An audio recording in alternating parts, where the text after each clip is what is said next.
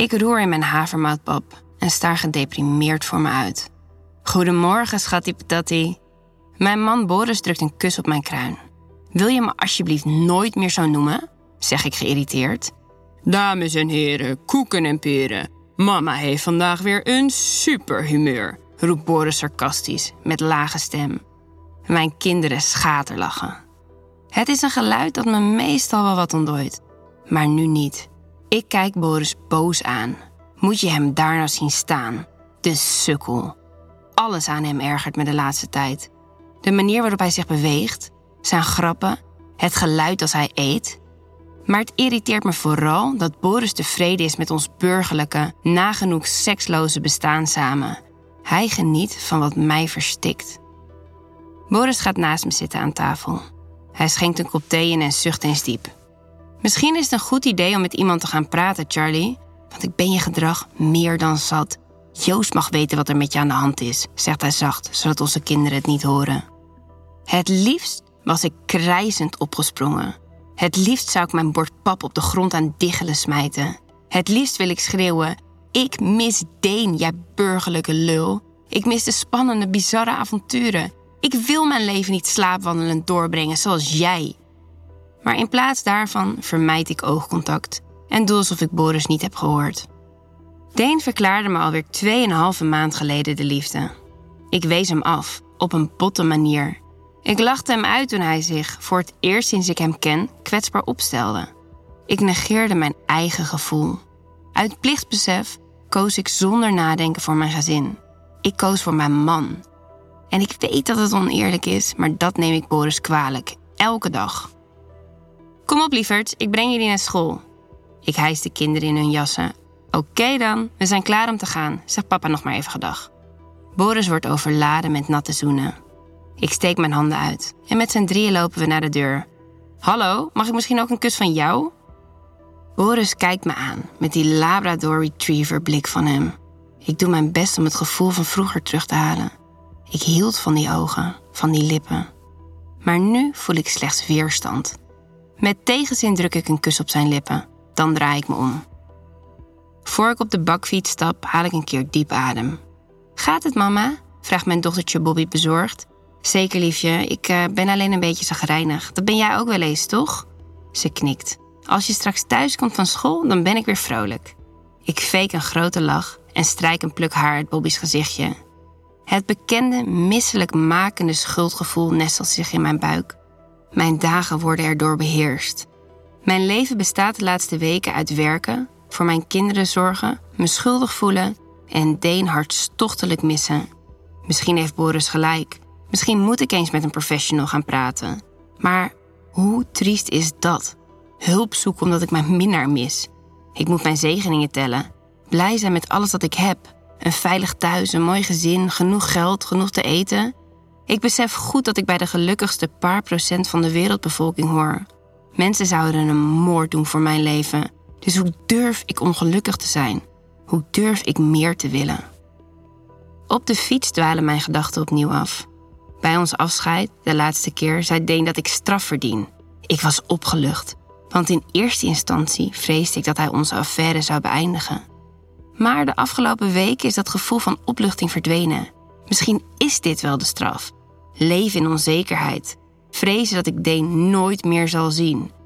Ik eet en slaap amper. Ik herken dit gevoel van jaren geleden, van mijn eerste vriendje. Het is onvervalst liefdesverdriet. Als ik mijn kinderen heb afgeleverd bij hun klaslokalen, loop ik naar buiten. Ik knipper met mijn ogen. Zie ik het, zie ik het goed? Voor de ingang van de school staat een non. In een kostuum dat ik herken uit films. De vrouw loopt op me af. Charlie? De non kijkt me vragend aan. Mijn wenkbrauwen schieten de lucht in. What the fuck? Eh, ja? Jij bent een zondaar. pardon? Ik grinnik. Wat? Is dit een grap? Maar de non lacht niet mee. Ze kijkt me strak aan. Haar ogen zijn helderblauw. Het is tijd om je zondes op te biechten. Het is tijd om boete te doen. Volg mij. Ze loopt weg. Van mijn lang zal ze leven niet. Ik pieker er niet over haar te volgen. De non kijkt over haar schouder. Ze wenkt me. Dan pas dringt tot me door dat de vrouw me bij mijn naam noemde. Hoe weet ze wie ik ben? En wat doet ze hier op het schoolplein? Dan valt het kwartje. Hier moet Deen wat mee te maken hebben. Dat kan niet anders. Mijn hart maakt een sprongetje. Yes! Ik ren de vrouw achterna.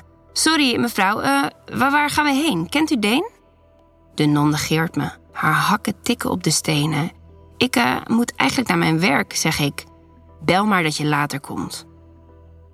We lopen samen de hoek om en daar staat een zwarte SUV geparkeerd. Instappen, gebiedt de vrouw. Ik doe braaf wat ze van me vraagt. Na een rit van een half uur parkeert ze voor een pand met grote ramen met glas in lood in het centrum van Amsterdam. We stappen uit en lopen naar de ingang. Boven een massief houten deur staat in gouden letters de New Church of Amsterdam geschreven. Oké, ik kijk opzij naar de non. Heel even twijfel ik. Is dit een echte kerk? Is deze vrouw een echte non? Nee, dat kan niet. De non opent de deur met een pasje en gaat naar binnen. En met het gevoel alsof ik in een film beland, loop ik achter haar aan. Nieuwsgierig kijk ik om me heen. De ruimte is indrukwekkend. De hoge plafonds zijn beschilderd en overal staan gouden beelden. Even ben ik in de war. Ja, het lijkt op het interieur van een kerk. Maar als ik goed naar de muurschilderingen kijk, onderscheid ik naakte vrouwen met touw om hun handen en enkels. Ik grin ik opgelucht, terwijl ik mijn ogen verder de kost geef. Oh, holy shit! Nu pas zie ik dat er een levende vrouw aan het kruis achter in de ruimte hangt, boven het altaar. Ze heeft een bal in haar mond en een blinddoek om. Ze kermt zacht. Wauw, een BDSM-kerk. Hoe, hoe lang bestaat dit al? vraag ik aan de non. Ze kijkt me aan met een ijskoude blik. Oh, sorry hoor, mompel ik. Ze wijst naar een biechthokje. Ga daar naar binnen. En als je vergeven wilt worden voor al jouw zonden, dan zal je door het stof moeten. Als ik aarzelend voor het biechthokje blijf staan, opent de non de deur aan de rechterkant. Ze geeft me een duwtje in de rug. Hup, hup jij. En dan zit ik voor het eerst in mijn leven in een biechthokje. Ik tuur door het rooster en onderscheid het silhouet van een man. Eh, hoi, zeg ik. De biechtvader zwijgt en ik voel me ongemakkelijk. Het liefst wil ik opstaan, wegrennen. Maar als Deen wil dat ik biecht, dan zal ik biechten. Charlie, zegt de man dan. Uh, ja? God is erg in jou teleurgesteld. Uh, oké. Noem me vader. Um, oké, sorry, vader. Wil je vergiffenis? vraagt de man dan. Ik wil niks liever. Uh, ja, ja, vader, hakkel ik. Oké, vertel me over je zonde. Over alle, vader? Ik grin ik. Heeft u even? De biechtvader lacht niet mee. Begin bij het begin, zegt hij serieus. En dan begin ik te praten. Ik vertel over de verlangens die ik al heb van jongs af aan. Ik vertel over mijn onrust, mijn aversie tegen sleur. Ik vertel de biechtvader over de eerste keer dat ik vreemd ging en hoe dat naar meer smaakte. Ik vertel hem over mijn collega Adam, waar ik een affaire mee had. Ik vertel hem over hoe ik Boris stelselmatig bedrieg, al twee jaar lang. Ik vertel dat ik bang ben dat ik niet langer van mijn man hou. En ik vertel hem over Deen. Het voelt vreemd om voor het eerst open te zijn over alles dat ik de afgelopen jaren heb uitgespookt. Vreemd en fijn tegelijk. Pas nu ik praat over al mijn zondes, besef ik hoe eenzaam ik me eigenlijk voel. Alleen Deen weet werkelijk wie ik ben. En de afgelopen tijd was ik ervan overtuigd dat ik hem kwijt was. Voorgoed. Als ik uitgepraat ben, schraapt de biechtvader zijn keel. Jij verdient straf, Charlie. Jij verdient veel straf. Je bent een verdorven mens, een slechte vrouw. Ik weet het, vader. Het spijt me, zeg ik. Als ik uitgepraat ben, schraapt de biechtvader zijn keel. Jij verdient straf, Charlie. Jij verdient veel straf. Je bent een verdorven mens, een slechte vrouw. Ik weet het, vader. Het spijt me, zeg ik. Er hangt een elektrische sfeer in de lucht. Ik knijp mijn ogen tot spleetjes, in de hoop het gezicht van de man aan de andere kant van het rooster beter te kunnen zien. Is hij knap? Onzin, het spijt je helemaal niet, zegt de biechtvader dan met lage stem. Maar het zal je spijten. Jij gaat mij nu pijpen als straf. Uh, oké. biechtvader steekt zijn perfecte erectie door een rond gat dat me niet eerder was opgevallen. Ik slaak een kreet. Met open mond staar ik naar zijn stijve penis. Een glory hole in een biechthokje. Het moet niet gekker worden. Op je knieën, Charlie, zegt de man aan de andere kant van de wand. Mijn hart klopt in mijn keel. Ga ik hem werkelijk pijpen zonder hem gezien te hebben? Ik kijk naar de prachtige, kaarsrechte pik. Ik twijfel. Mag ik uw gezicht zien, vader? Alsjeblieft? Smeek ik. Nee, nu, Charlie. En dan besluit ik me over te geven. Ik zak op mijn knieën. Ik pak zijn erectie vast met mijn rechterhand, streel zijn stijve zachtjes met mijn tong. Ik begin bij de schacht, eindig bij de eikel, waar ik heel langzaam kleine rondjes draai. Ik hoor de biechtvader aan de andere kant van de wand zachtjes kreunen. Is dit lekker, vader? Vraag ik uitdagend. Ga door. Dit gaat wel ver, denk ik, zelfs voor mijn doen. Maar als ik zijn erectie verder voel groeien, verstommen mijn gedachten. Ik neem zijn eikel in mijn mond, ik zuig erop. En dan laat ik zijn stijve pik ver in mijn mond glijden. Ik beweeg eerst traag heen en weer en voer mijn tempo dan geleidelijk op. Ik pijp en pijp, net zo lang tot ik kramp in mijn kaken krijg en mijn knieën beurs voelen. Ik vertraag een beetje. Doorgaan. De biechtvader ademt zwaar. En ineens hoor ik dat het rooster opengeschoven wordt. Sta op, commandeert hij. Jij bent een duivelse vrouw, fluistert de biechtvader hees. Kijk waar je een eerzame man toe dwingt. Ik staar naar de gestalte voor me. Hij draagt een zwart masker over zijn ogen en neus. Dat me doet denken aan Batman. Met daaroverheen een monnikskap. Ik zie alleen zijn lippen. Ze zijn mooi en vol. Het spijt me, vader. Ik ben in en in slecht, zeg ik licht hijgend. Vinger jezelf, commandeert hij. Terwijl ik de biechtvader aan blijf kijken, zet ik een stap naar achter. Ik doe mijn laarzen uit en daarna mijn panty en slip. Mijn rokje schuif ik iets omhoog. Ik lik aan mijn wijs- en middelvinger. Dan zet ik mijn rechterbeen op de kruk, zodat de biechtvader mijn bewegingen perfect kan volgen. Ik laat mijn hand tussen mijn benen verdwijnen. Ik wrijf over mijn vulva-lippen. Dan lik ik mijn vingers opnieuw nat en laat ze bij me naar binnen glijden. Laat me proeven, commandeert de biechtvader. Ik trek de vingers uit me, laat ze in zijn mond glijden. Lekker, vader? vraag ik uitdagend. Ga door. Ik draai rondjes over mijn clitoris, zonder ons oogcontact te verbreken. Al binnen een paar minuten voel ik dat ik klaar ga komen. Ik gooi mijn hoofd in mijn nek. Mijn ademhaling wordt zwaarder terwijl ik het tempo verder opvoer. Stop, Charlie, zegt de biechtvader dan. Ik heb vandaag duidelijke instructies gekregen. Jij mag niet klaarkomen. Ik kijk teleurgesteld. Laat je kleding achter in dit hokje, trek je laarzen aan en loop naar buiten, vervolgt hij. Naakt, met alleen mijn zwarte laarzen met hoge hakken aan, stap ik het hokje uit. De biechtvader pakt mijn hand en trekt me mee naar het altaar. Ik kijk naar de vrouw aan het kruis. Ze hangt daar maar, terwijl ze zwaar ademt door haar neus. Ze heeft vast straf, net als ik. Zet je hand op het altaar, zegt de biechtvader.